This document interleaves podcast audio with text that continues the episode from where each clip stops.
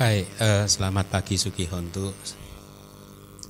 Semoga Anda semua dalam keadaan sehat, damai, dan bahagia. Kita berada di kelas Pariyati Sasana kembali dan uh, akan mempelajari suta yang baru. Saya rencanakan atau semoga suta ini bisa selesai hanya dalam satu pertemuan karena penjelasannya sangat ringkas. Uh, sebelum saya memulai sambil menunggu yang lain untuk menempatkan diri, uh, saya kembali lagi ingin mengingatkan kepada kita untuk tidak melupakan perenungan betapa beruntungnya kita ya. Anda bersyukur karena kita semua bersyukur karena kelahiran kita sekarang sebagai manusia yang sulit untuk didapatkan uh, di kelahiran yang sulit seperti ini kita bisa bertemu dengan ajaran Buddha ya. Kalau saya mengatakan bertemu dengan ajaran Buddha adalah kita mendapatkan kesempatan untuk mendengar dan mempelajari ajaran Buddha yang ada di kitab, bukan yang tidak ada di kitab. Ya. Oleh karena itulah sebenarnya saya ini kadang merasa mempunyai misi di Indonesia untuk mempopulerkan pembelajaran kitab suci Kenapa saya mempunyai misi yang seperti itu semata-mata karena ada dua alasan. Alasan yang pertama adalah supaya kelahiran kita kali ini itu tidak sia-sia. Karena kita sudah uh, mengisinya dengan mempelajari kitab suci. Kedua juga demi alasan agama supaya agama kita ini stabil. Demi stabilitas ajaran, demi stabilitas agama kalau kitab suci ini sudah dibuka e, lebar, semua orang sudah memahaminya, semua orang sudah e, bisa mengaksesnya, maka ajaran-ajaran yang bukan ajaran Buddha tidak mempunyai tempat di dalam sasana ini, di dalam ajaran Buddha adalah agama kita. Atau yang kalau memakai istilahnya Buddha adalah tidak akan ada lagi lumpur ataupun sampah yang dimasukkan ke dalam sasana kita oleh siapa pun, ya. Jadi dengan dua alasan itulah kadang uh, saya sering merenung bahwa mungkin misi saya di kelahiran ini adalah untuk menancapkan, mengokohkan uh, kitab suci. Tidak mudah untuk mempopulerkan Tipitaka, kitab komentar dan kitab subkomentarnya di Indonesia di mana sebagian besar mayoritas masih belum mengerti tentang hal ini gitu. Tapi walaupun demikian saya sering berterima kasih kepada YouTube dengan adanya uh, kemajuan teknologi maka setiap minggu saya mempunyai kesempatan untuk terus menggaungkan kata-kata saya tersebut bahwa kalau kita itu adalah umat beragama Buddha, maka komponen beragama yaitu kitab suci ya harus diyakini, dipelajari, bukan malah mempelajari yang bukan berasal dari kitab suci.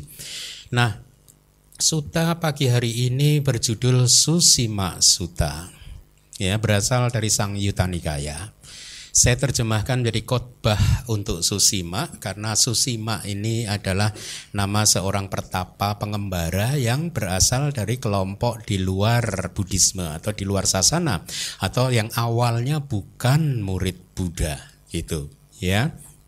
Nah, eh, suta ini menempati posisi yang sangat penting khususnya bagi mereka yang uh, uh, mengajarkan atau promoting meditasi wipasana tanpa jana.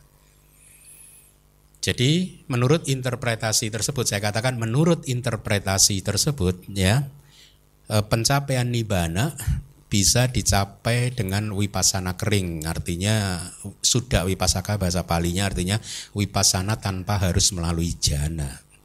Ya. Eh, saya nanti akan pada waktunya akan mencantumkan pendapat dari Biku Bodi yang saya rasa cukup menarik untuk didengarkan ya eh, bahwa beliau mempunyai pendapat yang sedikit sedikit berbeda, ya. Eh, yang tentu saja sebagai seorang yang open minded kita harus membuka diri kita ya terhadap eh, pendapat-pendapat uh, apalagi biku body itu adalah uh, biku yang sangat terkenal kan ya dan beliau sangat luas pengetahuannya begitu. Jadi pendapat beliau tentu itu uh, pantas untuk kita dengarkan. Baik untuk mempersingkat waktu karena sutanya juga agak panjang meskipun penjelasannya tidak begitu panjang, saya ingin PIC ya Yulia silakan. Saya telah mendengar demikian. Pada satu waktu, Begawan tinggal di Rajagaha, di hutan bambu, di daerah di mana tupai diberi makan. Sekarang, ketika itu, Begawan dilayani dengan baik, dihormati, dimuliakan, dipuja, disembah, menerima jubah, tempat tinggal dan perlengkapan obat-obatan. Biku Sangga pun juga dilayani dengan baik, dihormati, dimuliakan, dipuja, disembah, menerima jubah, tempat tinggal dan perlengkapan obat-obatan. Akan tetapi, para pengembara dari aliran lain tidak dilayani dengan baik dihormati, dimuliakan dan seterusnya. Dan seterusnya di sini merujuk kepada slide sebelumnya dipuja, disembah dan seterusnya gitu ya. Sekarang ketika itu Susima seorang pengembara sedang tinggal di Raja Gaha bersama dengan kelompok pengembara yang sangat besar. Kemudian kelompok pengembaranya berkata ini kepada pengembara Susima, Kemari kamu, wahai Susima, praktikkanlah kehidupan luhur di bawah bimbingan pertapa Gotama. Jadi kelompoknya meminta Susima salah satu pertapa untuk menyusup seolah-olah menjadi murid Buddha untuk mencuri ajaran untuk kemudian dibawa kembali ke kelompoknya kira-kira begitu. Setelah kamu menguasai damanya, ajarkanlah kepada kami dengan demikian, kami pun akan dilayani dengan baik, dihormati, dimuliakan, dan seterusnya. Baiklah, teman. Pengembara Susima menyetujui kelompok dia dan menghampiri tempat di mana Ananda berada. Setelah menghampiri, dia saling bertegur sapa dengan Yang Mulia Ananda. Setelah tegur sapa dengan kata-kata yang ramah dan sopan selesai, dia duduk di satu sisi. Setelah duduk di satu sisi seperti itu, pengembara Susima berkata ini kepada Yang Mulia Ananda. Teman Ananda, saya berharap untuk praktik kehidupan luhur di dalam Dhamma dan Winaya ini. Kemudian Yang Mulia Ananda membawa pengembara Susima mendekati tempat di mana begawan berada. Setelah menghadap dan memberi hormat kepada begawan, dia duduk di satu sisi. Setelah duduk di satu sisi seperti itu, Yang Mulia Ananda berkata ini kepada begawan. Wahai Bante, pengembara Susima ini berkata demikian. Teman, Ananda, saya berharap untuk praktik kehidupan luhur di dalam Dhamma dan Winaya ini. Wahai Ananda, oleh karenanya, maka tahbiskanlah Susima. Lalu pengembara Susima menerima pentahbisan di hadapan Buddha. Sekarang ketika itu, banyak biku menyatakan pengetahuan yang sempurna di hadapan Buddha. Kami mengetahui bahwa kelahiran telah dihancurkan, kehidupan luhur telah dijalani, yang seharusnya dilakukan telah dilakukan. Untuk keadaan saat ini, tidak ada lagi yang lebih. Jadi kalimat yang ada di tanda kutip kami mengetahui bahwa kelahiran telah dihancurkan dan seterusnya itu semacam formula. Kalimat-kalimat yang sering diekspresikan oleh murid Buddha yang mencapai tingkat kesucian arahat ya di masa lalu. Sehingga dalam konteks ini Susima mendengar nih banyak biku yang mendeklar bahwa beliau dengan mengatakan seperti itu yang artinya mereka mencapai tingkat kesucian arahat. Jadi ada semacam rasa ingin tahu dari Susima Yang mulia yang mulia Susima mendengar hal demikian ini. Diceritakan bahwa banyak biku menyatakan pengetahuan yang sempurna di hadapan Buddha. Kami mengetahui bahwa kelahiran telah dihancurkan, kehidupan luhur telah dijalani, yang seharusnya dilakukan telah dilakukan. Untuk keadaan saat ini, tidak ada lagi yang lebih.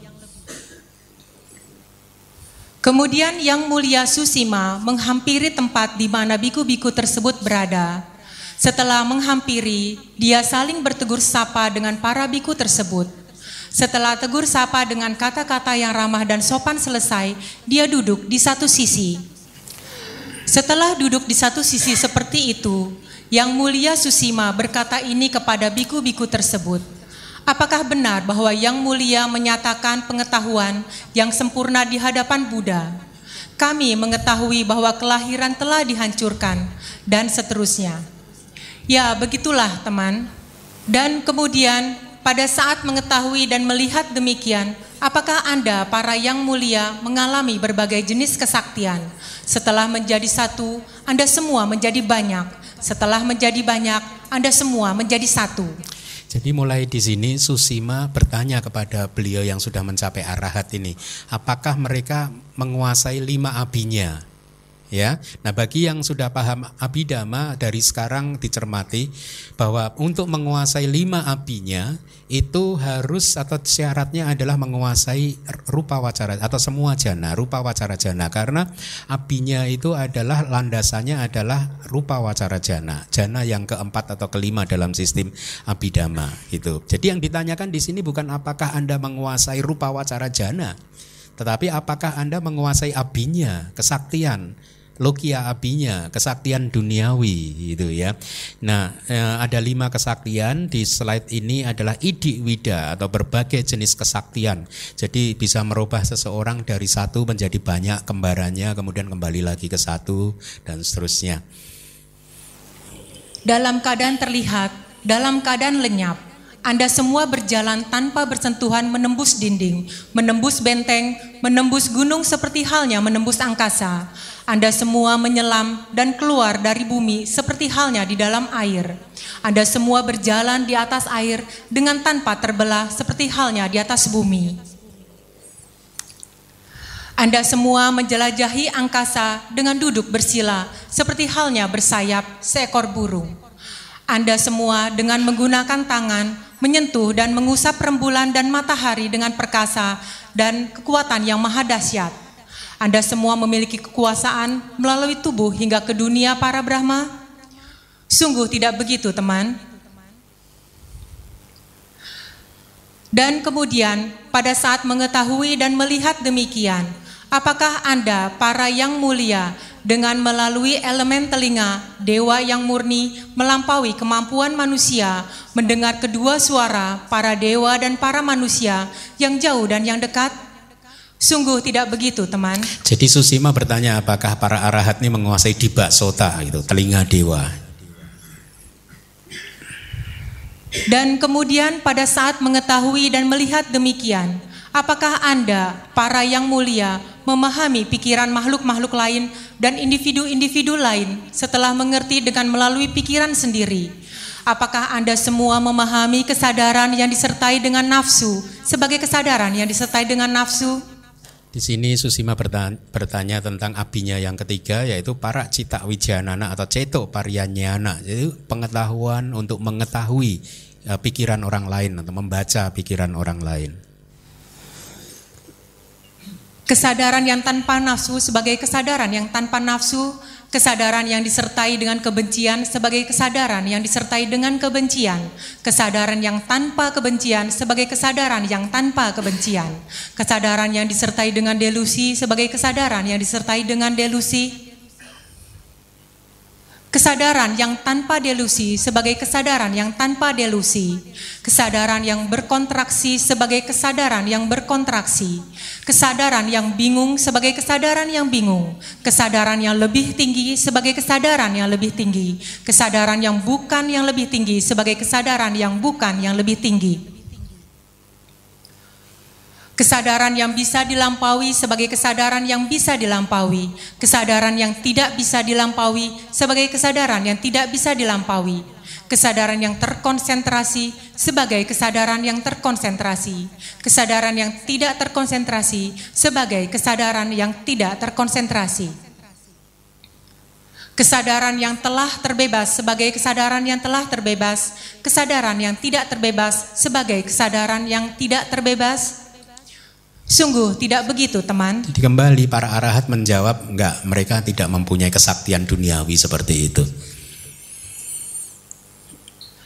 Dan kemudian pada saat mengetahui dan melihat demikian, apakah Anda para yang mulia ingat berbagai tempat tinggal yang lampau, yaitu satu kelahiran, dua kelahiran, tiga kelahiran, empat kelahiran, lima kelahiran, sepuluh kelahiran, dua puluh kelahiran, tiga puluh kelahiran, empat puluh kelahiran, lima puluh kelahiran. Jadi ini tentang kesaktian yang berikutnya yaitu pube niwasa anak. Pengetahuan untuk mengingat-ingat kehidupan yang lampau.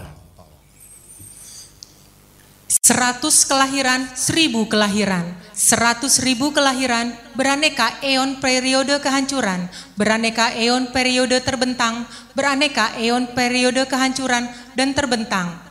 Di sana saya mempunyai nama demikian, keturunan demikian, penampakan luar demikian, makanan demikian, mengalami suka duka demikian, batas usia demikian. Meninggal dari sana, saya muncul di eksistensi yang lainnya. Di sana pula saya mempunyai nama demikian, keturunan demikian, penampakan luar demikian, makanan demikian, mengalami suka duka demikian, batas usia demikian. Meninggal dari sana, saya muncul di sini. Jadi, apakah Anda semua mengingat berbagai kediaman lampau dengan karakteristik dan seluk-beluknya? Sungguh tidak begitu, teman.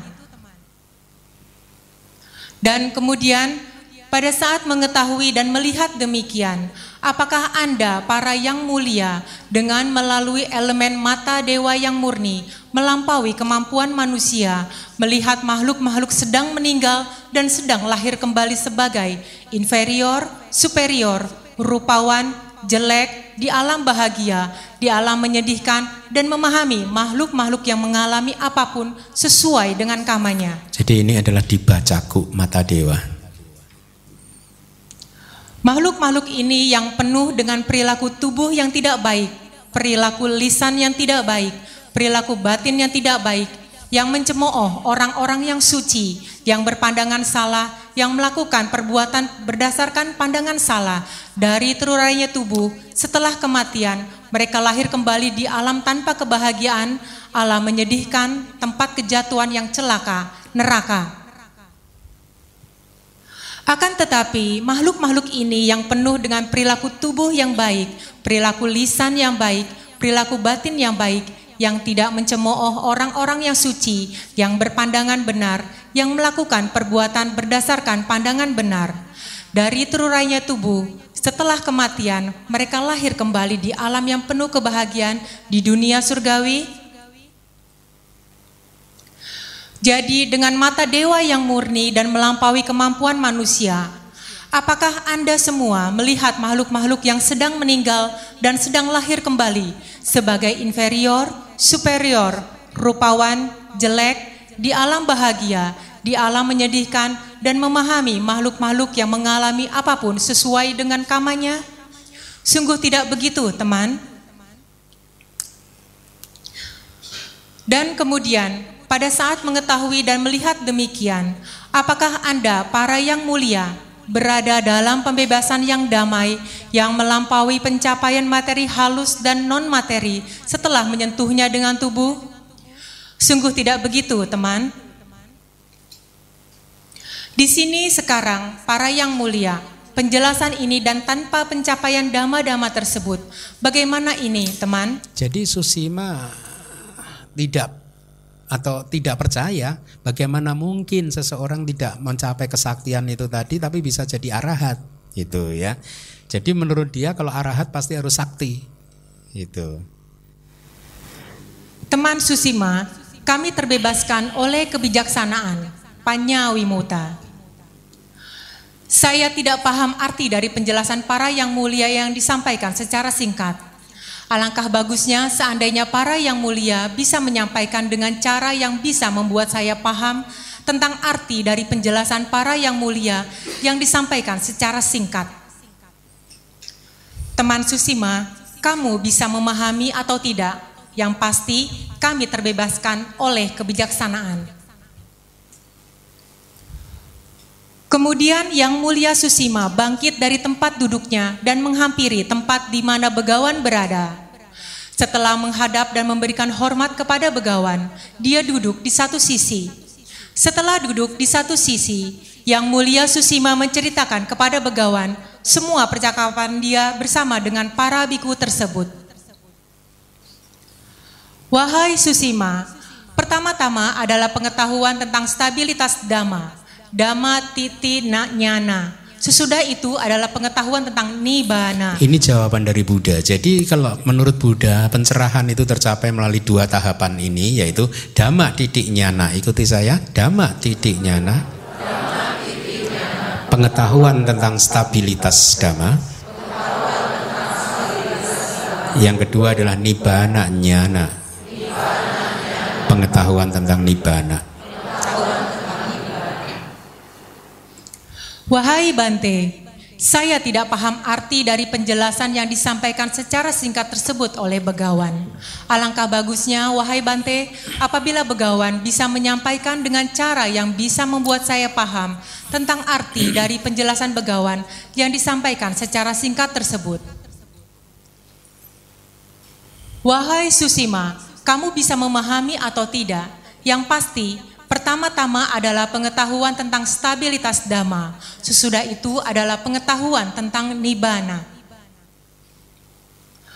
Susima, apa pendapat kamu, wahai Susima? Apakah materi kekal atau tidak kekal? Ya, stop. Jadi mulai di sini demi mempersingkat waktu, Buddha mulai uh, membimbing Susima untuk melihat apakah pancakanda itu kekal atau tidak kekal. Jadi ini formula ini sudah saya sampaikan di kelas Anatalakana Sutta. Ya, kemudian begitu dijawab tidak kekal, logikanya dibawa masuk lagi. Selanjutnya segala sesuatu yang tidak kekal itu suka atau duka dijawab duka. Kemudian segala sesuatu yang tidak kekal dan duka apakah itu pantas untuk dianggap sebagai ini milikku, ini aku dan ini diri ya yang dijawab tidak gitu ya. Jadi saya skip aja karena ini berkaitan dengan pancakanda yang sudah saya ringkaskan tadi. Langsung saya uh, kita mulai di sini. Melihat yang demikian wahai Susima seorang murid suci yang pintar menjadi jijik terhadap materi jijik terhadap perasaan jijik terhadap persepsi jijik terhadap formasi-formasi kehendak jijik terhadap kesadaran. Mengalami kejijikan, dia menjadi tidak bernafsu. Dari tanpa nafsu, dia terbebas. Ketika telah terbebas, ada pengetahuan. Saya telah terbebas. Jadi ini rute pencerahannya seperti itu. Dia mengetahui kelahiran telah dihancurkan, Kehidupan suci telah dijalankan, yang seharusnya dilakukan telah dilakukan. Untuk keadaan sekarang ini sudah tidak ada lagi yang lebih. Ini ekspresi seorang arahat. Wahai Susima, apakah kamu melihat bahwa usia tua dan kematian berasal dari kelahiran sebagai kondisi? Jadi di sini sekarang Buddha membimbing Susima untuk mempenetrasi paticak samupada ya. E, karena apa beliau sudah mencapai pencerahan kemudian diajarkan lagi oleh Buddha bahwa usia tua dan kematian berasal dari e, kelahiran sebagai kondisi dan beliau melihatnya itu. Ya wahai Bante. Kemudian Buddha membimbing lagi. Wahai Susima Apakah kamu melihat bahwa kelahiran berasal dari eksistensi sebagai kondisi? Karena beliau sudah mencapai penerangan apa e, pencerahan, beliau bisa melihat Ya, wahai Bante. Wahai Susima, apakah kamu melihat bahwa eksistensi berasal dari pelekatan sebagai kondisi? Ya, wahai Bante. Wahai Susima, apakah kamu melihat bahwa pelekatan berasal dari nafsu kehausan sebagai kondisi? Ya, wahai Bante. Wahai Susima, apakah kamu melihat bahwa nafsu kehausan berasal dari perasaan sebagai kondisi? Ya, wahai Bante. Wahai Susima, apakah kamu melihat bahwa perasaan berasal dari kontak sebagai kondisi? Ya, wahai Bante. Wahai Susima, apakah kamu melihat bahwa kontak berasal dari enam landasan indriawi sebagai kondisi? Ya, wahai Bante. Wahai Susima, Apakah kamu melihat bahwa enam landasan indriawi berasal dari batin dan jasmani sebagai kondisi? Ya, wahai Bante. Wahai Susima, apakah kamu melihat bahwa batin dan jasmani berasal dari formasi-formasi yang disertai dengan kehendak sebagai kondisi? Ya, wahai Bante. Wahai Susima, apakah kamu melihat bahwa formasi-formasi yang disertai dengan kehendak berasal dari ketidaktahuan sebagai kondisi? Ya, wahai Bante. Wahai Susima, apakah kamu melihat bahwa penghentian usia tua dan kematian berasal dari penghentian kelahiran? Ya, wahai Bante. Wahai Susima, apakah kamu melihat bahwa penghentian kelahiran berasal dari penghentian eksistensi? Ya, wahai Bante. Kita lompat lagi. Jadi ini kembali lagi tentang Padicca Samupada ya. Buddha membimbing Anda saya harap sudah tahu urut urut urutan dari Padicca Samupada ya. Kemudian uh, dan kemudian pada saat mengetahui dan melihat demikian, Apakah kamu, wahai Susima, mengalami berbagai jenis kesaktian setelah menjadi satu, kamu menjadi banyak dan seterusnya. Jadi di sini Buddha bertanya, apakah kamu juga mencapai kesaktian ini gitu, ya? Kamu menyelam dan keluar dari bumi seperti halnya di dalam air. Kamu berjalan di atas air dengan tanpa terbelah seperti halnya di atas bumi dan seterusnya. Sungguh tidak begitu, wahai Bante. Dia tidak mencapai juga. Dan kemudian pada saat mengetahui dan melihat demikian, apakah kamu, wahai Susima, dengan melalui elemen telinga dewa yang murni melampaui kemampuan manusia mendengar kedua suara para dewa dan para manusia yang jauh dan yang dekat? Sungguh tidak begitu, wahai Bante. Jadi Buddha bertanya ini nanti kita skip lagi tentang lima kesaktian yang tadi dan dijawab semua oleh Susima bahwa dia juga tidak e, mencapainya begitu. Jadi dia pun mencapai tingkat kesucian arahat tanpa mempunyai kesaktian-kesaktian itu tadi gitu. E, ya. Di sini sekarang wahai Susima, penjelasan ini dan tanpa pencapaian dama-dama tersebut Bagaimana ini Susima? Kemudian yang mulia Susima sujud dengan kepala berada di kaki-kaki begawan dan berkata ini kepada begawan, Wahai Bante, saya telah melakukan kesalahan seperti seorang yang bodoh. Dia menyadari bahwa dia pun tidak mencapai kesaktian tapi dia mencapai pencerahan juga gitu. Yang menarik itu sujud dengan kepala berada di kaki-kaki. Kalau di Myanmar masih ada yang begitu itu. Jadi kalau sujud itu biku gitu telapak kakinya disentuh sama dahi dari yang bersangkutan atau bahkan telapak tangan kadang. Seperti seorang yang bingung, seperti seorang yang tidak terampil, saya telah menjadi seorang biku pencuri dama di dalam dama dan winaya yang telah diuraikan dengan sedemikian baik. Untuk itu, wahai Bante, semoga begawan menerima kesalahan saya sebagai kesalahan untuk pengendalian diri di masa depan. Wahai Susima, sudah pasti kamu telah melakukan kesalahan seperti seorang yang bodoh, seperti seorang yang bingung, seperti seorang yang tidak terampil. Kamu telah menjadi seorang biku pencuri dama di dalam dama dan winaya yang telah diuraikan dengan sedemikian baik. Seandainya, wahai Susima, setelah menangkap seorang pencuri, Seorang penjahat, mereka menyerahkannya kepada raja dan berkata, "Wahai raja, dia adalah seorang pencuri, seorang penjahat. Tetapkanlah hukuman yang raja inginkan untuk dia." Raja akan berkata demikian kepada mereka, "Kemari teman-teman yang terhormat, setelah mengikat tangan laki-laki ini ke belakang dengan ikatan dan tali yang kuat, mencukur rambut kepalanya, mengarak dari jalan ke jalan, dari perempatan jalan ke perempatan jalan dengan menabuh sebuah tambur dan setelah mengeluarkannya dari pintu di sebelah selatan, dari sebelah selatan kota, penggalah kepalanya. Orang-orang raja mengikat tangan dia ke belakang dengan ikatan dan tali yang kuat, mencukur rambut kepalanya, mengarak dari jalan ke jalan, dari perempatan jalan ke perempatan jalan dengan menabuh sebuah tambur dan setelah mengeluarkannya dari pintu sebelah selatan, dari sebelah selatan kota mereka memenggal kepalanya. Apakah pendapatmu wahai Susima? Akankah laki-laki tersebut mengalami rasa sakit tubuh dan batin dari sebab itu? Iya, wahai Bante. Wahai Susima, Walaupun laki-laki tersebut mengalami rasa sakit tubuh dan batin dari sebab itu, menjadi biku pencuri dama di dalam dama dan winaya yang telah diuraikan dengan sedemikian baik, mempunyai akibat yang lebih menyakitkan dan lebih pahit. Dan kemudian hal tersebut mengarah pada tempat kejatuhan yang celaka. Jadi Buddha mengatakan bahwa menjadi seorang biku pencuri dama itu lebih menyakitkan daripada penjahat yang dipenggal kepalanya oleh raja karena bisa menyebabkan dia lahir ke neraka si biku pencuri dama itu. Maka ini sebenarnya warning juga bagi kami-kami yang yang tentu harus kita resapi, kita kita hindari supaya tidak menjadi pencuri dama. Akan tetapi wahai Susima, karena kamu telah melihat kesalahan sebagai kesalahan dan telah memperbaikinya sesuai dengan dama, maka kami untuk itu kami memaafkanmu. Oleh karena Susima, ini adalah kemajuan di dalam dhamma dan winaya ketika seseorang melihat kesalahan sebagai kesalahan dan memperbaikinya sesuai dengan dhamma dan menerapkan pengendalian diri di masa depan.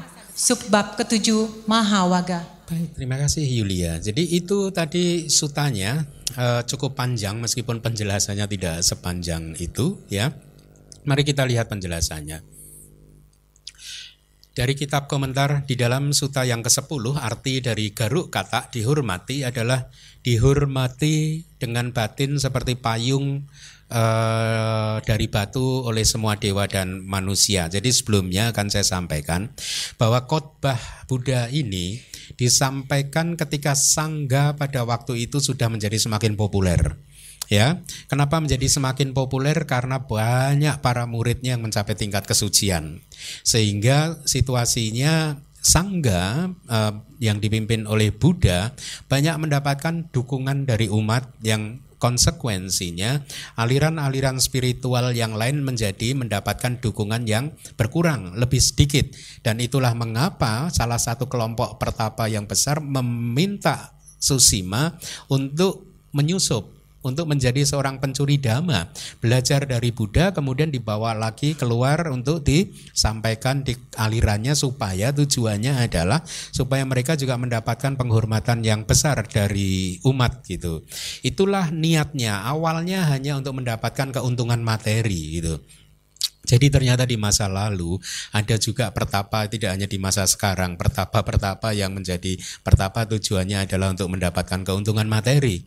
Yang kadang saya benar-benar tidak bisa berpikir kenapa ya kalau pertapa biku pengen jadi dapat materi untuk apa sih gitu.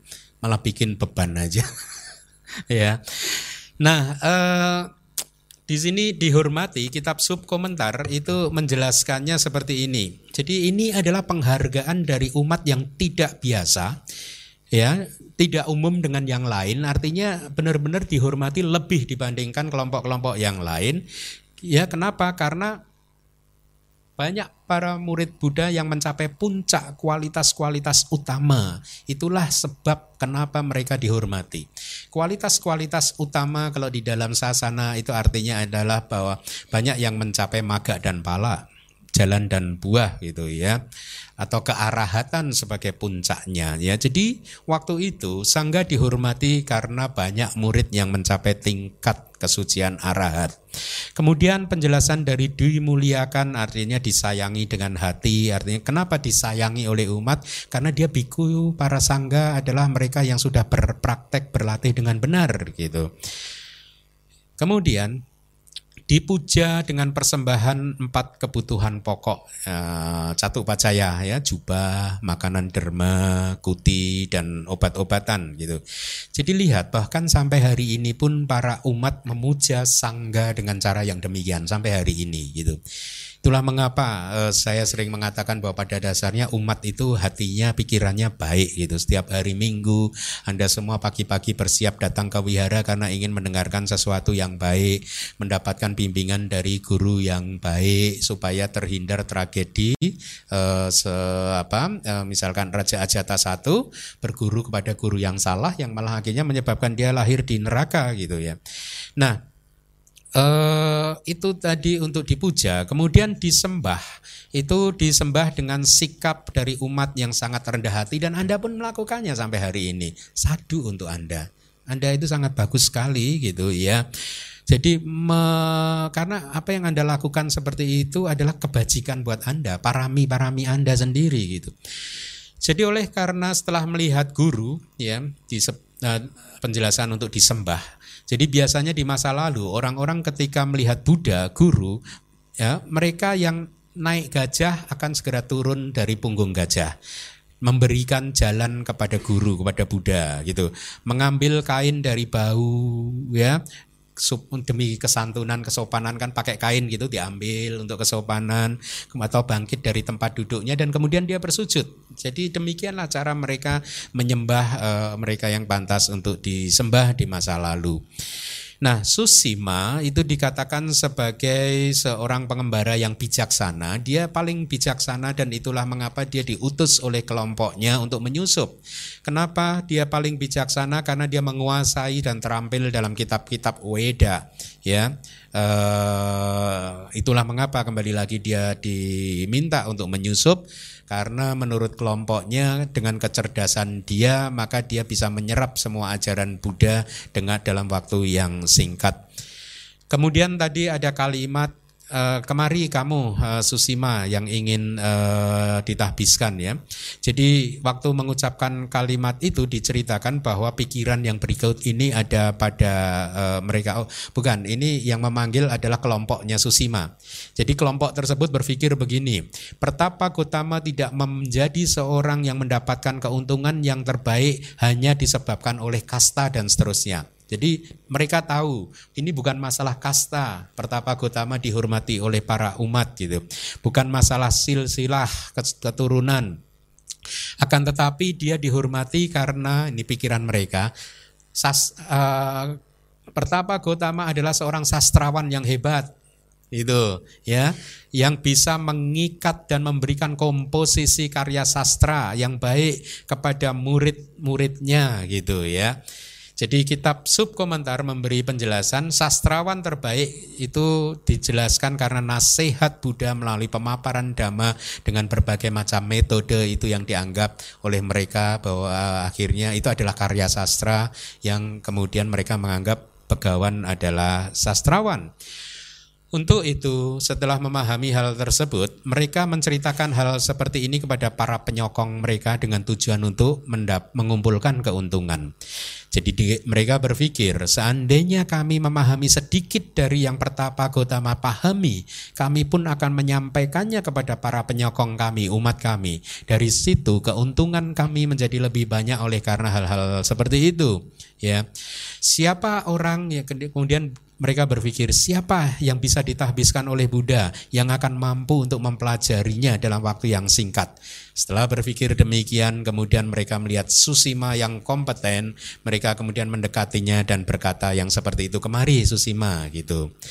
Kemudian Susima menghampiri tempat uh, uh, setelah diutus mereka uh, Susima menuju ke wihara tempat di mana Buddha Begawan tinggal, tapi yang dituju bukan Buddha atau Begawan melainkan siapa? Yang Arya Ananda gitu. Mengapa Susima mendekati yang Arya Andan Ananda? Diceritakan bahwa dia memiliki pikiran yang demikian saya harus mendekat ke siapa ini? Saya akan bisa menerima supaya saya bisa menerima dhamma dalam waktu yang singkat. Lalu dia berpikir, Pertapa Gotama adalah guru yang terkenal, yang memiliki jadwal yang sudah tetap, sudah pasti, jadi tidaklah mungkin untuk menghadapnya di waktu yang tidak tepat gitu. Makanya kemudian dia memilih untuk mendekat ke yang Arya Ananda. Singkat cerita Susima akhirnya ditahbiskan menjadi biku. Di poin ini Biku Bodhi di dalam bukunya juga membuat catatan yang saya rasa sangat brilian karena beliau uh, ingat bahwa sesungguhnya Buddha sudah menetapkan peraturan kalau ada seseorang dari aliran lain ingin menjadi samanera atau biku maka dia harus pertama-tama wajib menjalani masa percobaan selama minimal tiga bulan. Tapi Buddha tidak melakukan itu, tidak menerapkan itu pada Susima. Jadi saya kayak seperti diingatkan oleh Biku Bodhi beliau ini sangat cerdas gitu ya uh, Biku Bodhi berpendapat kemungkinan Buddha melakukan ini membebaskan Susima dari masa percobaan karena Buddha tahu bahwa Susima ini akan jadi arahat. Seandainya diberikan masa percobaan bisa jadi dia malah enggan, nggak mau, akhirnya malah nggak jadi arahat. Jadi nggak ada nasib yang pasti loh, ya. Su ya toh? Kalau Susima jadi arahat, dipastikan bisa jadi arahat, tapi kalau kondisinya berubah bisa jadi dia berbalik. Seperti Ajata satu, harusnya jadi sotapana, tapi malah masuk neraka. Ya, hidup itu seperti itu. Jadi jangan percaya bahwa hidup ini sudah pasrah saja lah udah ada yang menentukan no. Anda yang menentukan setiap detiknya. Ya. Nah, kembali lagi. Ini saya terjemahkan dari kitab komentar yang lain karena saya pikir baik buat Anda untuk mengetahui aktivitas Buddha sehari-hari, ya. Jadi jadwal Buddha itu sudah tetap di dalam sehari-harinya ya, yang dibagi menjadi lima aktivitas rutin Buddha ya. Yang pertama adalah aktivitas di pagi hari dimulai dari jam 6 pagi sampai jam 11 pagi ya. Uh, ya uh. Kemudian yang kedua adalah aktivitas di siang hari jam 13 sampai jam 18. Yang ketiga adalah aktivitas di sepertiga malam yang awal atau pertama yaitu jam 18 sampai jam 20. Kemudian yang keempat adalah aktivitas di sepertiga malam yang pertengahan jam 20 sampai jam 2 dini hari. Yang kelima adalah aktivitas di sepertiga malam yang terakhir yaitu jam 2 sampai jam 6. Apa saja yang beliau lakukan di dalam lima aktivitas uh, yang di berbeda-beda seperti itu. Mari kita lihat dari kitab penjelasan dari suta yang lain. Aktivitas di pagi hari, begawan akan bangkit di dini hari dan kemudian melakukan pembersihan tubuh ya. Kalau zaman modern ke toilet begitu membersihkan tubuh jasmaninya serta mencuci wajah demi kasih sayang kepada para pembantu beliau dan demi kesegaran tubuh beliau sendiri.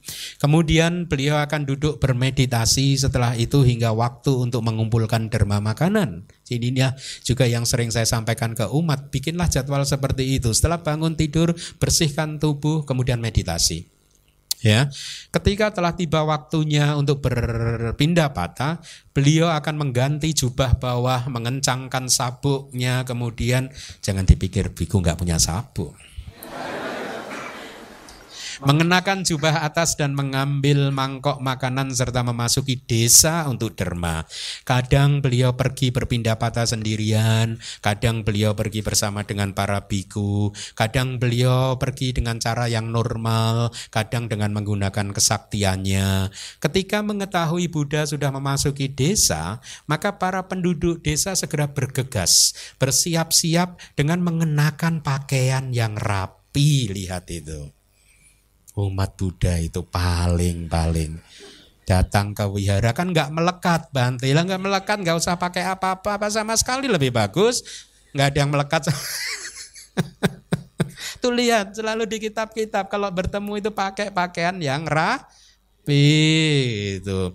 Bahkan berhias dengan bunga wewangian dan membawa berbagai macam persembahan Ketika memberikan hormat mereka akan berkata begawan berikan kami 10 biku, 20 biku, 30 biku, 100 biku dan seterusnya sesuai kemampuan mereka berapa biku yang mereka sanggup untuk berdana berderma makanan ya.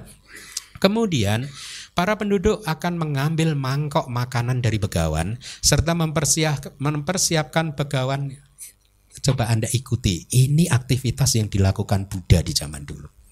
Jadi ketika berpindah patah seperti itu setelah mangkoknya diambil, kemudian para penduduk desa akan mempersilahkan beliau duduk dan dengan hormat akan melayani makanan beliau.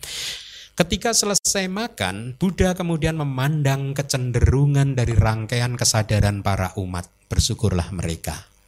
Ya, sekarang Bante nggak bisa. ya, Jadi dilihat di penetrasi Anda rangkaian kesadaran itu kecenderungannya mau ke mana.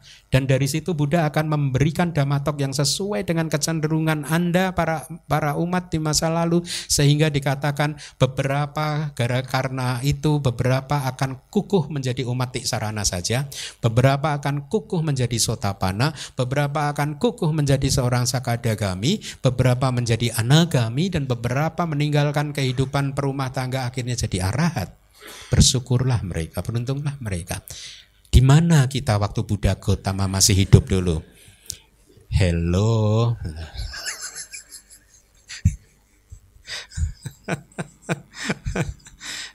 nah, eh, jadi setelah membawa manfaat, lihat bahkan di aktivitas pagi hari pun Buddha memberikan manfaat untuk banyak umat, banyak penduduk desa. Kemudian beliau bangkit dari tempat duduknya dan kembali ke wiharanya di hutan. Setelah tiba di wihara, beliau akan duduk di pavilion ya, menunggu hingga para biku semuanya selesai menyelesaikan makanannya. Ketika mereka telah selesai makan, baru Buddha masuk ke ganda kuti. Anda tahu nggak ganda kuti? Itu kamar yang harum baunya. Oh, tuh umat harus tahu. Biku juga harusnya kutinya harum. Anda nggak pernah mengharum Bikunya pasrah.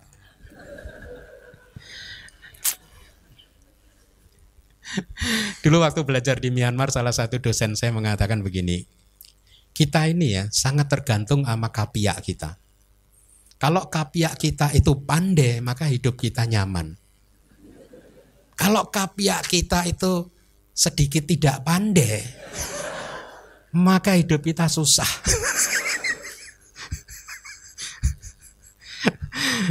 ya. Nah, mari kita lihat aktivitas di siang hari gitu. Setelah aktivitas pagi tadi itu selesai, beliau akan duduk di ruang uh, depan setelah masuk ke ganda kuti. Kemudian dia akan keluar, kemudian duduk lagi di ruang depan. Di, biasanya kalau di Myanmar, kuti-kuti itu di depan kuti ada tempat untuk membasuh, mencuci kaki, ya. Dan beliau akan mencuci uh, kakinya. Setelah itu beliau akan menasehati para biku sangga untuk berjuang dengan gigih, tidak lengah karena kemunculan Buddha di dunia ini sangat sulit untuk didapatkan. Seperti Anda saya tidak segan-segan mengingatkan kepada Anda, mumpung sekarang lahir jadi manusia, ayo belajar Tripitaka. Ya, sudah lahir bagus jadi jadi orang yang normal ya. Kemudian bisa hidup dengan nyaman beragama Buddha. Jangan tinggalkan Tripitaka. Belajar ya. Meskipun kadang agak sulit nggak apa-apa. Dengarkan saja karena mendengarkan kata-kata tersebut kata-kata Buddha dan kata-kata guru di kitab-kitab komentar dan subkomentar itu adalah kebajikan.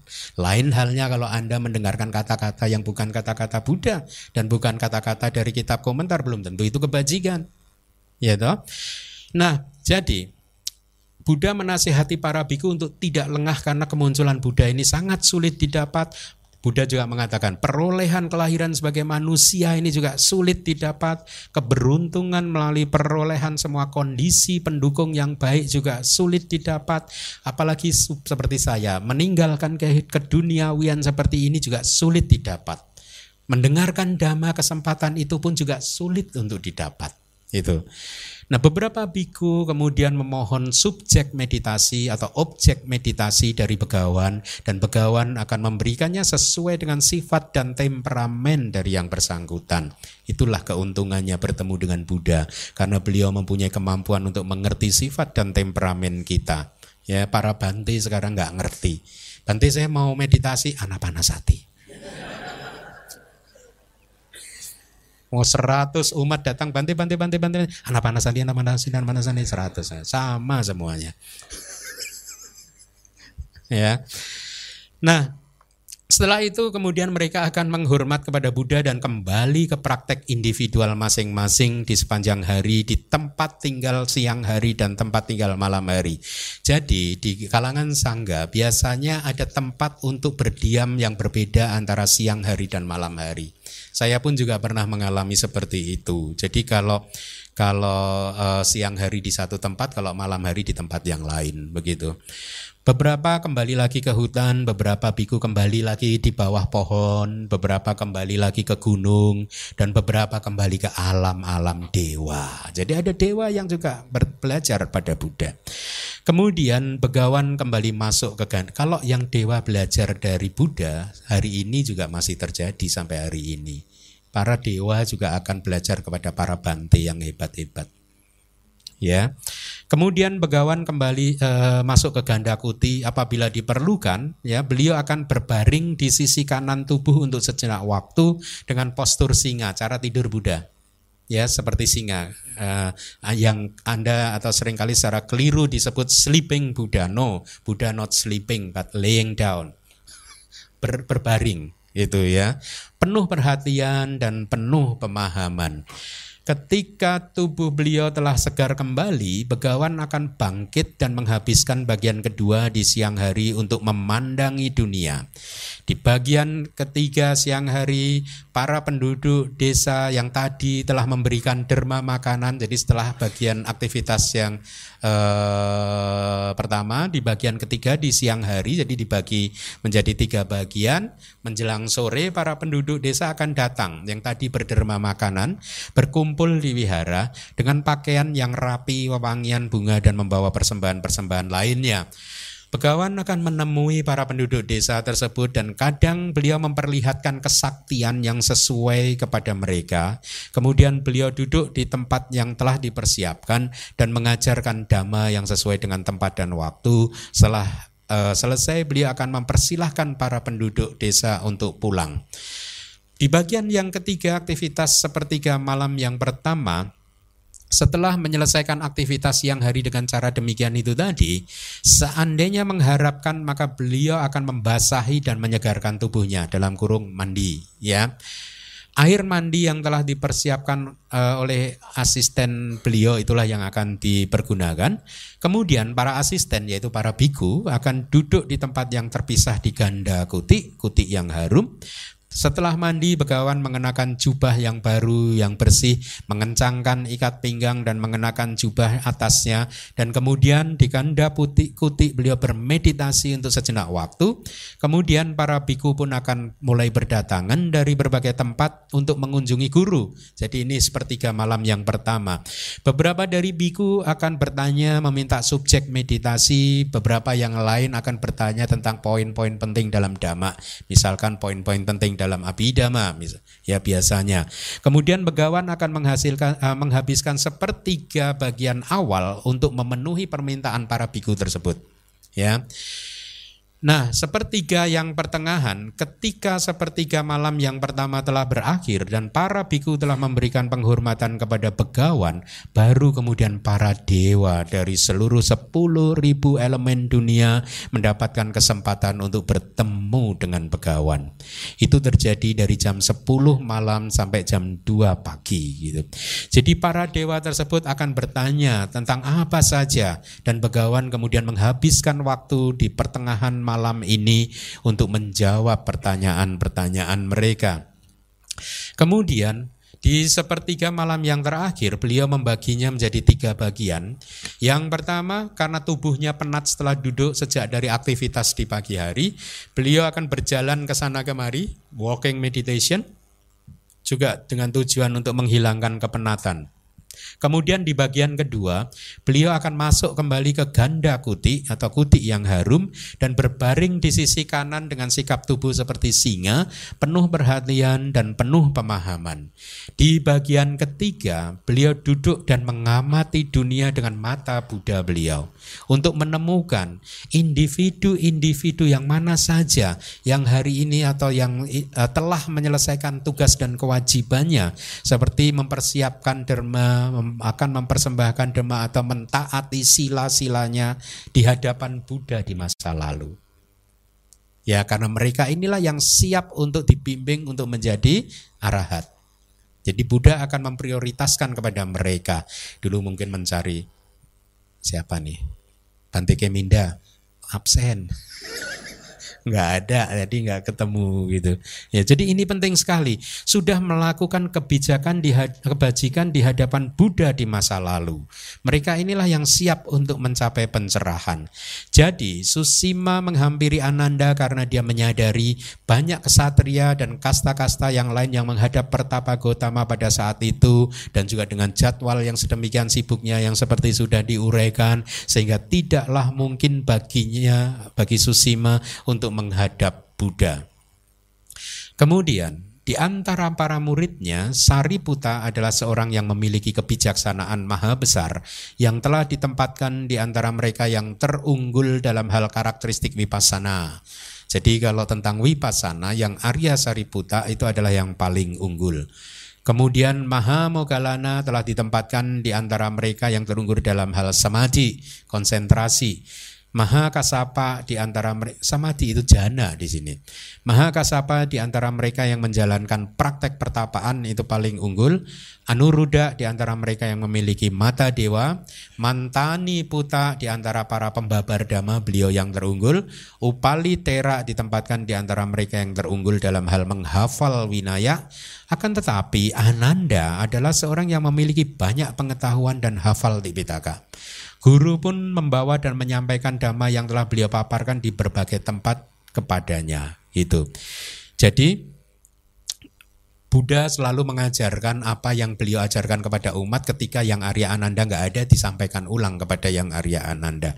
Inilah mengapa beliau ini hafal semua ajaran-ajaran Buddha. Nah, eh, singkat cerita, Ananda berpikir demikian. Saya tidak mengetahui maksud hati Susima akan tetapi guru pasti akan mengetahuinya. Oleh karena itu, setelah menerima susima, yang Arya Ananda mendekati tempat di mana begawan berada, yang penjelasannya ada di slide Mengapa yang mulia Ananda menghadap tanpa menahbiskan Susima sendiri? Diceritakan bahwa dia memiliki pikir demi, pikiran demikian. Orang ini, Susima ini berperilaku dan mengaku, saya adalah guru satu-satunya di dalam aliran lain. Setelah menjadi biku, dia mungkin akan mencoba melakukan sesuatu untuk kerugian sasana. Jadi yang Arya Ananda hati-hati. Oleh karena itu beliau memutuskan lebih baik saya bawa Susima ke hadapan Buddha. Dan setelah sampai di hadapan Buddha, Buddha berkata kepada Ananda, oleh karena itu Ananda tahbiskan dia nggak apa-apa. Tahbiskanlah dia. Tadi disutanya seperti itu kan. Jadi ketika itu diceritakan bahwa guru berpikir, Buddha berpikir, pengembara ini berperilaku dan mengaku saya adalah satu-satunya guru di dalam aliran lain. Jadi diceritakan bahwa dia berkata, saya berharap ketika dia berkata saya berharap untuk praktek jalan kehidupan luhur, eh, Buddha berpikir demikian. Lalu Buddha juga eh, apa? E, mempertimbangkan bagaimanakah dia bisa menjadi supaya dia bisa jadi percaya pada ceramah damaku atau muridku. Ini yang ada kaitannya dengan apa yang di highlight oleh Biku Bodhi tadi di awal. Kenapa tidak diterapkan tiga tiga bulan masa percobaan gitu karena Buddha mempertimbangkan itu supaya dia percaya pada dhamma dan mau mendengarkan dhamma karena Buddha tahu dia pasti akan jadi arahat ya, ya. akan tetapi Susima bukanlah orang yang berpura-pura sebagai guru. Dia ditempatkan di dalam posisi sebagai guru di dalam alirannya, ya. Uh, para anggota lain yang mengatakan orang ini adalah seorang dari kasta Brahmana. Jadi Susima ini dari kasta tertinggi, kasta Brahmana yang telah menjadi pabajita, meninggalkan kehidupan keduniawian dan tidak hanya itu dia juga terampil di dalam kitab-kitab Weda serta dianggap sebagai orang yang sangat bijaksana. Jadi itulah mengapa itulah penjelasan yang uh, dipakai untuk menjelaskan pengakuan dari Susima ketika dia mengatakan saya adalah satu-satunya guru. Karena memang di dalam lingkungannya dia dituakan itu. Nah, penjelasan untuk kalimat kemudian setelah memahami alasan Susima kalimat ini dijelaskan bahwa dia menjadi biku dengan mempunyai maksud untuk mencuri dhamma di dalam sasanaku. Jadi setelah memahami demikian, oleh karena kedatangannya itu tidak murni, maka hasil pencapaian apa yang diperolehnya Buddha mencoba untuk mempenetrasi uh, kondisi dari Susima. Ketika sedang mengamati dan setelah mengetahui bahwa meskipun dia menjadi biku dengan maksud untuk mencuri dhamma, akan tetapi setelah berjuang hanya dalam beberapa hari, dia akan menguasai pengetahuan yang sempurna. Anya itu pengetahuan yang sempurna, pengetahuan kearahatan. Dia akan menjadi orang seorang arahat. Maka guru berkata, oleh karena itu Ananda tahbiskan Susima. Jadi itu pertimbangannya kenapa tidak dikenakan masa percobaan. Kemudian para biku mencerita, singkat cerita tidak lama kemudian para biku menceritakan pengalamannya yang tadi di Suta ya menjadi seorang arahat Susima mendengar gitu ya dia yang menyatakan pengetahuan yang sempurna diceritakan bahwa biku-biku tersebut setelah menerima subjek meditasi di hadapan guru, mereka memasuki retret musim hujan untuk tiga bulan. Di sepanjang masa tiga bulan tersebut, mereka berjuang, berusaha, dan akhirnya mendapatkan pengetahuan yang sempurna atau mencapai tingkat kesucian arahat.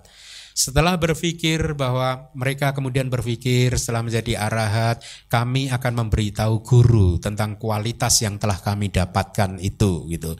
Setelah selesai pawarana akhir dari masa retret musim hujan atau akhir dari wasa dan merapikan tempat tinggal mereka, kemudian para biku tersebut pergi ke hadapan guru dan memberitahu eh, dengan pikiran kami akan memberitahu guru kualitas yang telah didapatkan. Jadi mereka akan menyatakan pengetahuan yang sempurna yang dikatakan berkaitan dengan hal ini kepada guru. Apa itu pengetahuan yang sempurna? Itu adalah nama untuk pencapaian tingkat kesucian arahat atau untuk kearahatan. Bahasa palingnya arahata gitu. Ya. Nah, selanjutnya Menyatakan itu artinya menceritakan yang mulia Susima mendengar artinya dia diceritakan bahwa setelah memasang telinga jadi dia memang menguping ya dia pergi ke tempat para biku tersebut nguping bermaksud untuk mendengarkan pembicaraan-pembicaraan tersebut gitu. Mengapa dia menghampiri para biku? Diceritakan bahwa setelah mendengarkan kejadiannya dia berpikir demikian. Pengetahuan akhir itu kearahatan itu pastilah merupakan standar tertinggi di dalam sasana. Unsur yang paling esensial ajar dari ajaran seorang guru atau ini adalah ajaran yang digenggam oleh guru artinya ajaran yang disembunyikan. Ya, kalau di film-film kungfu dulu waktu masih anak-anak suka nonton ya, jagoan itu guru itu suka menyembunyikan satu jurusnya kan. Kalau saya berikan muridnya nanti bisa mengalahkan saya, sembunyikan satu jurus. Jadi muridnya nggak bisa ngapa-ngapain gitu. Nah, Susima juga berpikir begitu. Ini jangan-jangan pengetahuan yang sempurna ini adalah rahasianya guru gitu, ya. Dia berpikir demikian. Kemudian dia akan bertanya kepada para biku apakah mereka mencapai berbagai jenis kesaktian yang semua dijawab tidak kan, ya. E, dan seterusnya dan seterusnya. Jadi semua Biku mengatakan mereka mencapai tingkat kesucian arahat tanpa disertai dengan kesaktian duniawi yang tadi sudah kita baca. Apa itu arti pembebasan yang damai? Pembebasan melalui jana non materi yang damai karena faktor-faktor jananya dan juga objeknya. Inilah mengapa Biku Bodhi membuat catatan. Karena yang ditulis hanyalah pembebasan melalui jana non materi. Tidak secara eksplisit uh, uh, tidak ada huh? Oh, mungkin di bagian yang lain nanti ungkapan biku bodi akan lebih tepat, bukan? Jadi di sini artinya pembebasan yang damai itu adalah pembebasan melalui jana non materi. Jadi dikatakan biku-biku itu tidak mencapai pembebasan melalui jana non materi. Tidak ada statement tentang jana materi halusnya, gitu. Harusnya nanti ada kaitannya. Damai karena objeknya, jadi kedamaian objek yang telah mencapai kualitasnya yang halus dan lembut karena telah pergi meninggalkan objek rupa patibaga, objek yang serupa yang menyertai materi. Ini objek jana non materi. Kenapa disebut jana non materi? Karena dia sudah meninggalkan materi. Di dalam abidama dipelajari, objeknya adalah harus sesu, sesuatu apa pun yang sama sekali tidak menyerupai materi. Itu, ya. Pembebasan melalui jana non materi, penjelasannya adalah pembebasan terhadap persepsi melalui jana non materi. Tadi di suta ada kalimat setelah menyentuhnya dengan tubuh, artinya setelah menyentuh dan memperoleh pencapaian jana tersebut dengan melalui kumpulan-kumpulan batin. Jadi kaya itu kadang diterjemahkan sebagai tubuh, kadang diterjemahkan sebagai kumpulan. Tapi kaya di sini bukan kumpulan tubuh jasmani, tapi kumpulan batin gitu. Nah tadi para biku menjawab ketika ditanya mereka dan mereka sudah menjawab bahwa mereka tidak mencapai atau mendapatkan abinya yang duniawi, kesaktian-kesaktian yang duniawi, mereka mengatakan teman, kami terbebaskan melalui kebijaksanaan panyawi muta. Ya, kalimat tersebut menunjukkan arti demikian, teman, kami tidak memiliki jana. Ini memang di uh, kitab komentarnya, tapi tidak juga disebutkan sih secara spesifik. Memang juga disebutkan di kitab komentarnya seseorang yang telah mengembangkan wipasana kering dan terbebas hanya dengan melalui kebijaksanaan semata itulah mereka. Inilah mereka itu adalah praktisi wipasana kering yang sering kemudian diartikan praktisi yang mempraktekkan wipasana tanpa jana gitu.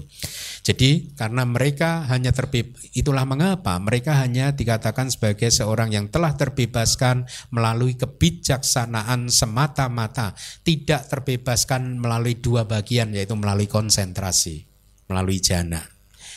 Tapi hanya melalui kebijaksanaan. Nah pernyataan inilah yang kemudian dimaksudkan oleh Biku Bodhi. Apakah pernyataan ini merujuk pada tidak memiliki jana materi dan non materi atau hanya tidak memiliki jana non materi saja? Itu kata-kata Biku Bodhi ya karena ada kata menyiratkan hanya jana non materi yang tadi sudah anda lihat gitu. Tapi apa pun itu ya anyway di kitab-kitab komentar di yang lainnya juga disebutkan bahwa wipasana memang bisa dipraktekkan tanpa ja. Nah jadi ini untuk uh, apa referensi kita gitu Kemudian, teman Susima, kamu bisa memahami atau tidak? Yang pasti kami terbebaskan melalui kebijaksanaan. Itu tadi disutanya kan. Mengapa mereka berkata demikian? Diceritakan bahwa hal yang seperti ini ada di dalam pikiran para biku. Walaupun telah memahami maksud hati dari Susima, akan tetapi kami para biku tidak mampu untuk menjelaskannya ya akan tetapi setelah menanyakannya kepada dasak bala atau kepada Buddha maka dia akan pasti Susima akan menjadi tidak ragu lagi. Kemudian Buddha menjawab, kamu paham atau tidak? Yang pasti yang terjadi adalah pertama pengetahuan tentang stabilitas dhamma dan yang kedua adalah pengetahuan tentang nibbana yang tadi saya minta Anda mengikuti saya. Apa? Dhamma titik nyana apa?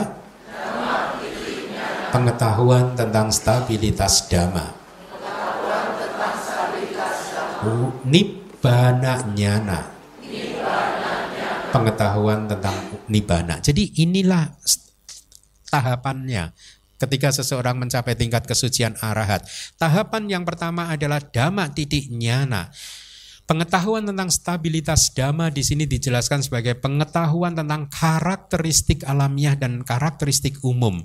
Kalau Anda berwipasana dibimbing oleh guru yang bagus, Anda nanti akan diminta untuk mengamati nama dan rupa, masing-masing nama, masing-masing cita dan cetasika, kemudian rupa Anda akan diajarkan untuk mengamati karakteristik-karakteristik individual mereka. Ya, itu yang disebut sebagai karakteristik alamiah. Dan juga guru akan membimbing para muridnya untuk menembus untuk merealisasi karakteristik umum dari nama dan rupa, batin dan tubuh jasmani yaitu apa karakteristik umumnya? Anicca, duga dan anatta. Nah, sekarang kitab komentar menjelaskan pengetahuan wipasana itu adalah yang lebih dulu muncul. Inilah yang disebut dhamma titik nyana, stabilitas dhamma, ya.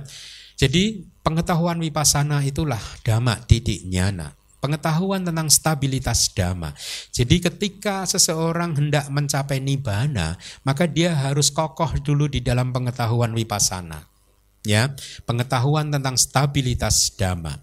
Stabilitas dhamma adalah kestabilan dhamma-dhamma dan karakteristik-karakteristik alamiahnya serta tentang anicca, dukkha dan anatta ya. Itulah yang disebut dhamma titik nyana. Kemudian setelah kokoh di pengetahuan wipasana, dia akan kokoh di dalam pengetahuan tentang nibbana. Apa itu penjelasannya? Penjelasannya adalah pengetahuan jalan atau maga nyana yang muncul melalui maga cita kesadaran jalan muncul ketika dia telah atau mencapai akhir dari vipasananya muncul sesudah wipasana. Itulah mengapa Begawan berkata seperti itu. Pertama adalah dhamma titik nyana, kemudian diikuti oleh nibbana nyana.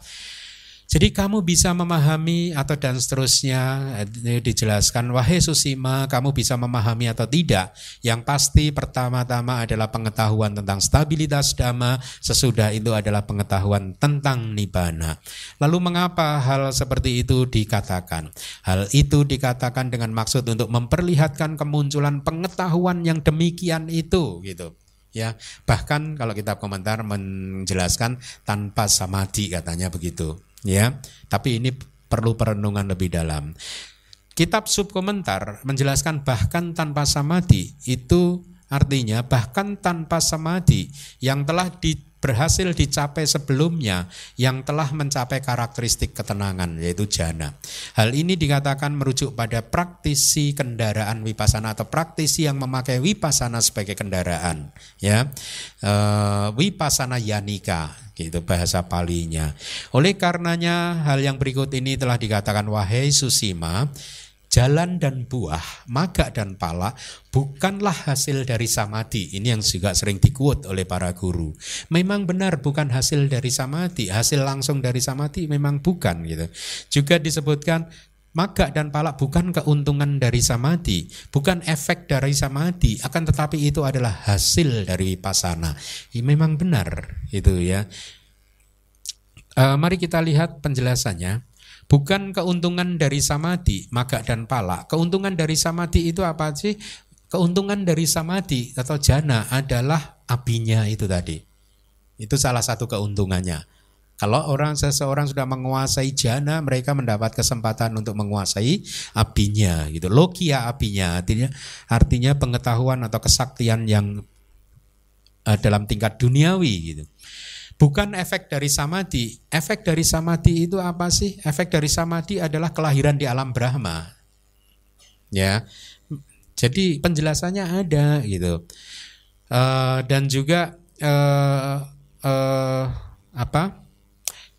Tadi disebutkan bahwa jalan dan buah itu adalah efek dari wipasana. Ya memang benar pernyataannya memang seperti itu. Oleh karena itu kamu paham atau tidak, tahu atau tidak, tapi yang pasti pertama-tama yang muncul adalah pengetahuan tentang stabilitas dhamma, sesudah itu adalah pengetahuan tentang nibbana gitu.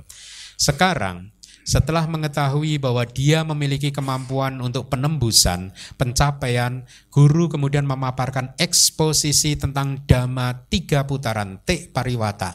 Tiga putaran itu adalah guru membimbing pancakanda lima agregat satu persatu. Rupang bikawe, eh? Rupang bikawe nicang wa anicang wati.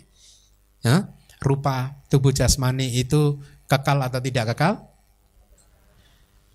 Yatman anicang dukang watang sukang wa. Segala sesuatu yang anica, duka atau suka.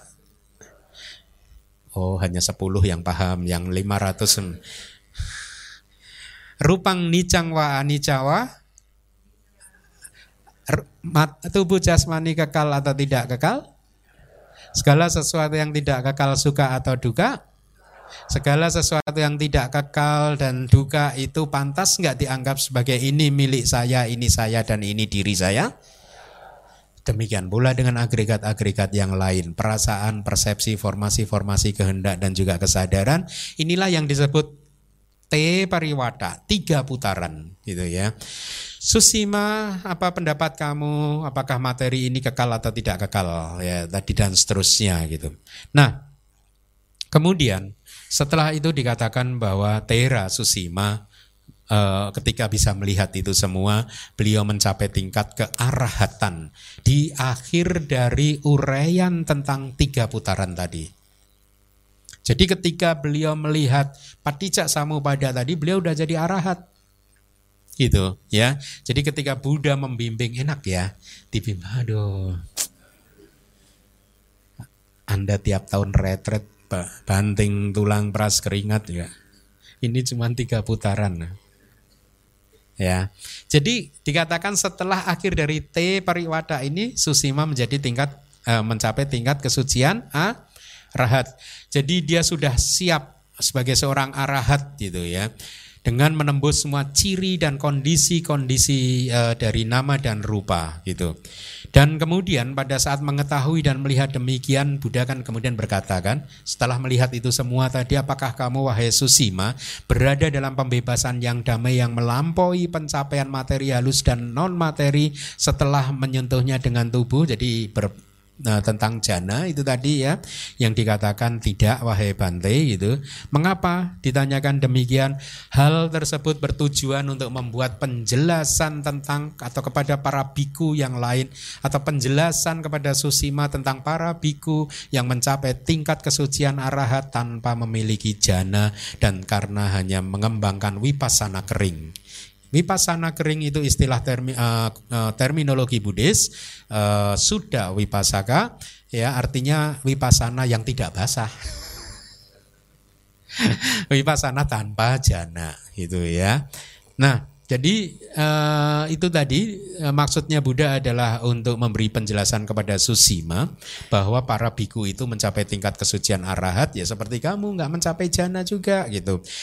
Nah, seperti halnya kamu Susima yang tidak memiliki jana dan telah menjadi seorang praktisi vipassana kering, telah kukuh dalam pemahaman yang berkaitan dengan kehancuran asawa-asawa, artinya dia sudah jadi arahat gitu. Demikian pula halnya dengan biku-biku tersebut gitu. Mereka juga begitu. Oleh karena itu dikatakan dan kemudian Anda para yang mulia seharusnya kan tadi kan Susima bertanya loh, yang mulia ini bagaimana ini? Anda mencapai arahat kok tapi tidak mempunyai kesaktian. Ya, dijelaskan di kitab komentar sesungguhnya akhirnya oleh karena itu pertanyaan yang itu tadi dan kemudian Anda para yang mulia ini bagaimana? Anda jadi arahat kok nggak punya kesaktian? Seharusnya bukan pertanyaan yang kamu ajukan ke mereka. Ya itu penjelasan kitab komentar. Kata-kata Buddha yang tidak ada di Sutta Pitaka tapi adanya di kitab komentar maka kembali lagi salah mereka yang mengatakan bahwa kitab komentar itu bukan kata-kata Buddha. Banyak kata-kata Buddha yang ada di kitab komentar yang tidak ada di Tripitaka. Ya. Nah, sesungguhnya uh, inilah maksudnya. Tidak hanya kamu saja Susima uh, yang merupakan biku yang tidak memiliki jana dan telah mengembangkan wipasana kering. Biku-biku tersebut pun juga demikian. Jadi selebihnya telah jelas dalam semua aspek suta yang ke-10 dari subbab ke-7 Mahawaga selesai.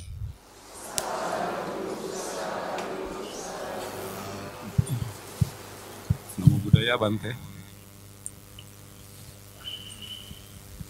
Uh, saya ingin menanyakan uh, Susima ini mencapai tingkat kesucian arahat tanpa melalui jana. Satu kalau dilihat menurut saya lihat zamannya memang benar zaman Sang Buddha masih ada yang bisa membabarkan dhamma dengan demikian baik.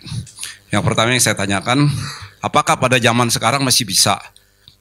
Itu yang pertama. Yang kedua, kalau memang masih bisa, selama ini yang saya tahu harus melalui jana. Karena dengan jana kita bisa lebih mudah menembus seperti apa rupa kalapa dan lain sebagainya. Sedangkan tanpa jana kemungkinannya lebih sulit. Kalau memang sudah ada, apakah ada yang bisa menerangkan bagaimana caranya tanpa jana? Karena untuk mencapai jana aja itu bukan sesuatu yang mudah, sesuatu yang sangat sulit dan harus mempunyai dasar yang bagus. Itu yang yang pertama. Yang kedua, kita juga tidak tidak tahu apakah pernah ketemu dengan Buddha-Buddha, seorang sama Sam Buddha pada kehidupan-kehidupan yang dulu. Mungkin ini menurut saya kita jangan beranggapan bahwa kita tidak mampu. mungkin kita mampu, cuman belum ketemu caranya. Bagaimana bisa menjadi seorang apa seorang arahat walaupun kita tidak bisa mencapai jana. Demikian Bante, terima kasih. Jadi kalau ditanyakan silahkan duduk tentang apakah bisa mencapai tingkat kesucian tanpa jana. Di zaman sekarang juga banyak aliran-aliran meditasi atau guru-guru yang mengajarkan meditasi wipasana kering langsung tanpa jana. Itu masih banyak, Bapak. Di Myanmar juga banyak. Itu memang secara uh, rujukan dari teksnya juga banyak teks yang mendukung bahwa uh, uh, sama samadhi konsentrasi benar itu ada dua, yaitu apana samadhi atau jana. Yang kedua adalah upacara samadhi atau konsentrasi tetangga atau akses, konsentrasi akses, yaitu konsentrasi tetangganya jana yang dekat dengan jana, hampir mencapai jana, sudah sangat kuat karena cirinya pancaniwarana sudah dilumpuhkan gitu. yang kemudian berkembang menjadi apa yang dikenal uh, atau mempunyai yang dianggap mempunyai nama yang sama itu adalah kanika samadhi atau konsentrasi momentary concentration. Ya konsentrasi sesaat-sesaat jadi seperti tetes hujan, ketika setiap kali tetesan itu bisa dipahami, begitu tetesannya itu makin cepat bisa dipahami, maka itu dikatakan setingkat dengan jana. Dan itulah mengapa kenapa karena tetesan air hujan itu kalau air hujannya pelan yang diamati, jedanya lama, maka kelihatannya satu tetes, nunggu satu tetes, nunggu satu tetes. Tapi ketika tetesannya cepat, kayak citanya itu mulai teramati dengan cepat, tep, tep, tep, tep, itu akhirnya bukan tetesan lagi, itu udah cucuran air hujan begitu. Kira-kira begitu. Nah kalau sudah bisa mencapai ini tingkat ini itu yang dikatakan sudah setara dengan jana. Itu yang kons, apa eh, kanik yang dimaksud dengan momentary concentration gitu. Nah itu yang ada di kitab komentar dan ada sedikit referensi suta di Suta Pitaka. Salah satu dari sedikit suta ini adalah Susima Suta yang Biku Bodhi mempunyai catatan. Gitu yang saya bisa memahami, mengerti, setuju dengan catatannya beliau. Yang tadi dikatakan bahwa beliau, ini jangan-jangan yang ditanyakan hanya tidak mempunyai arupa jana. Karena tidak secara eksplisit dinyatakan tidak mempunyai rupa wacara jana juga. Dan yang ditanyakan adalah apakah Anda mempunyai kesaktian abinya itu tadi? Karena kesaktian ini artinya apa? Kesaktian ini tidak bisa dicapai oleh mereka yang nggak punya rupa wacara jana itu. Jadi abinya ini baru bisa dicapai ketika seseorang itu menguasai jana-jana itu. Makanya Biku Bodhi bertanya ini gitu. kan nggak secara eksplisit ditanyakan apakah Susima menguasai rupa wacara jana atau tidak. Jadi apa pun itu saya tidak bermaksud untuk uh, yang negatif. Saya hanya menempatkan diri saya sebagai seorang yang sangat menyukai dhamma kita harus sampaikan data-data secara objektif bahwa pendapatnya Biku Bodhi saya rasa perlu untuk di, patut untuk direnungkan juga gitu. Nah kemudian eh, di banyak kesempatan, jadi ini saya demi pengetahuan Anda, di banyak kesempatan di Sutta Pitaka, Buddha mengatakan bahwa untuk mencapai nibbana kita harus mengembangkan jalan, yaitu mengembangkan jalan mulia berunsur delapan. Dan di semua kesempatan banyak sekali kesempatan tidak sedikit kesempatan Buddha selalu mengatakan jalan mulia berunsur delapan salah satunya sama samadhi yaitu konsentrasi benar itu adalah jana rupa wacara atau materi halus jana satu dua tiga empat. Itu eksplisit ya. Jadi ya akhirnya kalau menurut saya Eh, di masa sekarang banyak guru yang mengajarkan wipasana kering tanpa jana. Di masa sekarang juga masih banyak guru yang sebaliknya mengajarkan wipasana melalui jana gitu. Dan data-datanya sudah saya sampaikan kepada Anda lalu saya serahkan Anda untuk memutuskannya. Itu ya tinggal Anda kecenderungannya yang mana gitu. Itu pertanyaan yang pertama. Yang kedua tadi tentang apa? Pertanyaan kedua tadi tentang apa? Hmm? Uh, yang kedua, yang kedua uh, tadi kan kalau mungkin sudah terjawab juga itu. Oh, udah, Jadi oke. kalau seandainya untuk mencapai jana aja kan untuk sekarang ini sudah sangat sulit. Sedangkan yang saya tahu Jangan menyerah, Pak. Ya, satu jangan menyerah. Yang kedua, Bante, eh, jana itu kita perlukan untuk bisa menembus ke seperti arupa kalapa dan lain sebagainya itu makin tinggi jananya makin mudah. Karena sinar dari jan- jana itu lebih bagus. Jadi kalau eh, dengan upacara samadhi itu kayaknya lebih susah. Dan Anda saya juga sudah tahu itu, Pak. Iya. Udah tahu itu, Pak. ini Bante. Untuk kita menentukan, Bante kan bilang bisa boleh pilih mau yang melalui jana atau tidak jana. Dan karena sekarang masih banyak guru-guru yang mengajarkan tanpa jana pun bisa. Nah untuk memilihnya itu susah Bante. Bahwa eh, guru ini benar-benar bisa. Jadi kayak susita yang tadi yang diceritakan mengenai suta ini. Karena untuk saya sebagai orang putu jana susah gitu untuk itunya. Hmm. Putu jana kalau dihilangi putunya tinggal jananya. Jangan. Eh, yang kemudian ya tadi mungkin itu sih udah terjawab juga. Ya Oke, jadi oke. yang mengenai kita nggak tahu bahwa kita pernah lahir di zaman seorang sama Sang Buddha. Mungkin pernah lahir bukan sebagai manusia, mungkin sebagai cecak atau apa. yang nggak ada gunanya juga sebenarnya. Walaupun mungkin kalau jadi kalong bisa ya dengerin aja nanti seperti yang 500 arahat itu. Ya, Itu ya, aja ya, Bante, ya, makasih. ya, ya. Oke, oke. Nggak apa-apa, Pak. Apa pun saran saya, meskipun Anda berjuang di meditasi samata, katakanlah. Kalau pun seumur hidup kok tidak bisa mencapai, nggak apa-apa, Pak. Ya, nggak apa-apa. Selama Anda berjuang benar-benar. Karena perjuangan Anda itu adalah kebajikan Anda.